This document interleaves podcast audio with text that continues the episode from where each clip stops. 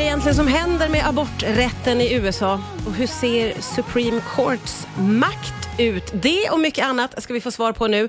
Dagens gäst är USA-experten Andreas Utterström. Välkommen tillbaka. Tack så mycket och eh, det du sa nyss är, vill jag bara säga, eh, mycket mer spännande än vad det låter, så ingen byter kanal. Byt inte, Nej. det här kommer att bli spännande. Plus att Andreas har personliga anekdoter att bjuda på vad gäller Supreme Court, men vi kan spara det lite. Jag kan bara hinta om att det kommer handla både om örhängen och frozen yoghurt. Ja, nu, det nu är det ju ingen som kommer att byta. Det Nej, har vi ju säkrat absolut, upp. har vi det. säkrat det upp. var otroligt skönt. Men du, eh, om vi ska eh, gå tillbaka till då vad, vad det är nu som sker med aborträtten i USA. Det började med ett läckt dokument. Vad är det egentligen som har hänt, skulle du säga? Just nu är det så i USA att abort är eh, Rätten till abort är skyddad i konstitutionen. Eh, det betyder alltså att de, eh, man kan inte förbjuda abort i en delstat. Eh, men Supreme Court har, det är deras, vi har inte riktigt någon motsvarighet, men vi kan säga att det är deras högsta domstol. Eh, nu har det läckt ut ett utkast till en dom eh, där de visar sig vara villiga att eh, riva upp det här beslutet. Och Om det här då går igenom, det vet vi ju inte än, för domare kan ändra sig och det här är ju liksom inget färdigt beslut. Då skulle det innebära att de delstater som vill kan förbjuda abort. Eh, och Då kan man säga att idag är det inte förbjudet någonstans, men det är väldigt, väldigt svårt att göra abort i vissa delstater. Man har gjort det så svårt som möjligt. och så. Eh, Men om det här skulle gå igenom, då skulle USA bli ett ännu mer delat land, därför att då skulle eh, vissa delstater omedelbart eh, förbjuda abort. Andra delstater skulle skydda rätten att göra abort ännu mer än vad de gör idag. Så att då får man den här splittringen som finns i USA skulle då bli ännu tydligare. Men varför kommer det här från Supreme Court nu? De har haft ett case som, som sätter fingret på den här frågan kan man säga. Eh, så att Det handlar egentligen om en annan sak, men då kan de liksom gå in och, och så att säga, eh, ändra i själva grundfrågan, själva principen. Och Att det läcker från Supreme Court är helt unikt. Alltså det, det har gjort det ibland, men att det läcker på det här sättet har i princip aldrig hänt förut, för de brukar hålla tätt, till skillnad från alla andra i Washington. Så att det här har ju väckt uppseende både för att eh, eh, både amerikanska högern och vänstern blir aldrig till sig och då för att det är lite kittlande att människor som brukar hålla tyst nu tydligen inte gör det längre. Eh, och det var, vi minns ju alla att Donald Trump hade väldigt, väldigt eh, bråttom att utse någon då som skulle in i Mm. Supreme Court. Va, hur spelar det här in i det stora sammanhanget? I USA är det så att presidenten eh, utser en kandidat och sen ska detta klubbas i eh, senaten som är en del av USAs riksdag kan man säga. Och De här domarna i USA de har liksom tydliga personligheter och tydligare, en tydligare åsiktsprofil än i Sverige där man betraktar dem nästan som någon slags juristrobotar. Så att Trump gjorde det som inga andra presidenter eller pres presidentkandidater har sagt, för då brukar man prata i kod, utan han sa jag kommer utse den, den eller den domaren därför att de är emot abort och då är, då är, liksom, är det en tidsfråga innan abort blir förbjudet. Det vill säga, han gjorde någonting väldigt smart, han pratade klarspråk. Och Eh, nu är det ju så att de eh, konservativa domarna är i eh, majoritet och därför så är liksom tiden mogen för att ta ett sånt här beslut, om de nu kommer göra det. Vi ska prata vidare strax här på Rix FM. Riks FM. Idag är det USA-experten Andreas Utterström som gästar. Vi pratar om eh, den hotade aborträtten i USA och den makt som Supreme Court sitter på. Eh, Får jag fråga då, hur eh, blåser de politiska vindarna kring det som pågår nu då i USA, skulle du säga?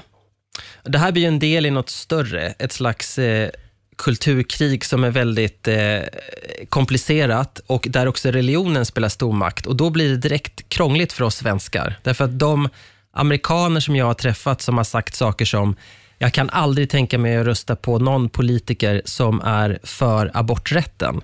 De baserar ju alltid det på religion och det de tycker sig finna stöd för i Bibeln. Och Redan där blir det svårt för oss, för vi är ett så sekulariserat land. Eh, och Sen är det också lätt att tro att det finns jättemånga amerikaner som vill totalförbjuda abort. Så är det inte. Det är mycket mer komplicerat. Så att en ganska färsk undersökning visar till exempel att det är 8% som tycker att abort ska förbjudas i alla fall. Okej. Och, och sen är det, alltså i alla fall, då menar jag under alla omständigheter. förstår, ja. Och ungefär en tredjedel som tycker att det ska vara eh, olagligt i de flesta fall. Och som då antar jag kan tänka sig undantag om det gäller incest eller våldtäkt eller om det är någon slags eh, medicinsk förklaring eller så. Mm. Så det är lite mer nyanserat, men debatten blir väldigt hetsig därför att det här slår an någon slags sträng. Det har med kvinnors rättigheter att göra, det har med religion, det har med hur man ska definiera ett liv. Det är liksom väldigt mångbottnat och det som är intressant och för en svensk tycker jag, det är att den här frågan är vi på något sätt klara med tycker jag. För den, är, den här frågan är ju i princip död i Sverige, men i USA är det frågor som eh, dödsstraff, eh, abort, vapenlagar som fortfarande är levande. Ja. Och Det gör det väldigt fascinerande för en nörd som mig, samtidigt som man kan tycka att det är lite deppigt att de står och trampar vatten och aldrig kommer någonstans. Ja, ja, ja, Men det blir väldigt heta känslor väldigt snabbt och eh, det kommer det bli även den här gången. Men vad krävs då för att Supreme Court ska få igenom det här? Vi vet ju att Joe Biden har sagt att han kan tänka sig att eh, stifta en federal lag eh, för att mota detta i, i dörren då, eller? Det tror jag inte att han kommer någonstans med. Eh, utan I Supreme Court så har ju då de konservativa domarna, de är sex och de ska man säga, eh, mer vänsterdomarna då är tre. Och Man ska ju då ha eh, fem röster för att vinna. Nu är det inte säkert att eh, det, här, det är det här som kommer bli eh, lagen, därför att det, det är väldigt aggressivt skrivet, eller det är väldigt offensivt skrivet av den här domaren som har skrivit det här utkastet. Jag tror att han har tagit ifrån tårna och sen kommer de enas om någonting som är lite mer polerat. Det kan också vara någon som ändrar sig. Det gjorde till exempel chefsdomaren eh, John Roberts eh, om Obamacare till exempel. Så att saker och ting kan hända, men de har ju verkligen, eh, alltså så som domstolen ser ut nu så är ju på något sätt eh, tiden mogen och det här skrämmer ju livet ur ur eh, vissa amerikaner som ser det här som första steget mot att man sen ska börja ha synpunkter på gayäktenskap och, och annat. Men det är en mycket, mycket senare fråga, så att man måste hejda sig lite och, och först ha lite tålamod och se vad det egentligen de kommer besluta om. Så ska vi ta ett steg tillbaka och gå vidare med det faktum att du ju då har varit i Su- i Supreme Court och eh, ätit någons frozen yoghurt. Vi tar det strax här på Rix FM. Riks FM. Riks FM. Det är USA-expert Andreas Utterström som är här idag. Du har ju i egen hög person alltså varit i Supreme Court som vi har pratat mycket om. Eh, hur var det? Oerhört spännande. Jag har varit där två gånger. Jag stod i kö i tre, fyra timmar båda gångerna och det var ändå värt det för att se en skymt av Sonja Sotomayors örhänge på 25 meters håll. eh, det är för att då sitter det nio stycken domare uppe på ett podium. Eh, då går det då fram varsin advokat och lägger fram sitt case en halvtimme var. De börjar prata, hinner prata ungefär 15 sekunder, sen blir de avbrutna och blir pepprade med frågor från de här nio. Och De är väldigt stora personligheter. Det är ungefär som att man tänker sig att man i Sverige skulle ha eh, Leif GW Persson, Göran Lamberts och Elisabeth Massi Fritz. Så är de här allihopa. Ja, ja, ja, stora namn. Och Vissa av dem är nästan som semipolitiska figurer som kan dyka upp liksom på konservativa eh, konferenser och sånt. Eh, och ett, ett bevis på det då, att de är en slags ikoner, det är då den här som jag håller upp nu, som är alltså en sån här målarbok från Supreme Court som jag köpte till mina barn. Såklart. svalt intresse hittills, där man liksom kan färglägga olika domare. Eh, och I presentshoppen så säljer de så här barnbok om Sonja Sotomayors barndom.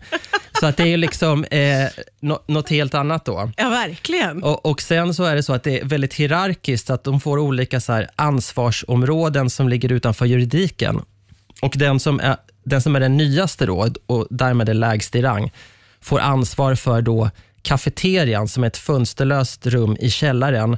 Och Då var nya domaren Elena Kagans nya grej var att hon hade fixat en frozen yoghurtmaskin där. Så Jaha. att den var jag tvungen att gå dit och kolla och jag kan rapportera att frozen yoghurten var god. Oh, Okej, vad Ja. skönt. Vad skönt ändå att du fick bocka av det. Ja, det tycker jag. Det Och- var, det var ju eh, ja, men det var lite så här eh, amerita- amerikansk eh, politiksafari. Det var som att se the big five på något sätt. Det var örhängena, det var yoghurten och det var lite andra saker. Är eh, den generella amerikanen lika uppspelt över de här personerna som du är? Nej, det här är eh, någonting som bara vi nördar är intresserade av. Jag tror att den vanliga amerikanen bryr sig inte ett dugg om Supreme Court. Eh, däremot om man är politiskt engagerad, framförallt eh, på högersidan, så har det här varit en viktig fråga, därför att de har varit duktiga på och väldigt strategiskt jobbat för att att hitta case som de ska driva upp till Supreme Court, att, att göra, en, göra det till en valfråga att om du har en konservativ alltså en republikan som är president och republikaner i senaten, då kommer vi kunna skicka konservativa domare till Supreme Court. För det de beslutar där, det är frågor som påverkar USA under lång tid och som påverkar alla och ofta mycket mer och under längre period än det som presidenten gör. Som vanligt otroligt eh, lärorikt och spännande. Du hade helt rätt eh, och vilken tur att ingen bytte kanal. Tack för idag, Andreas. Tack så mycket.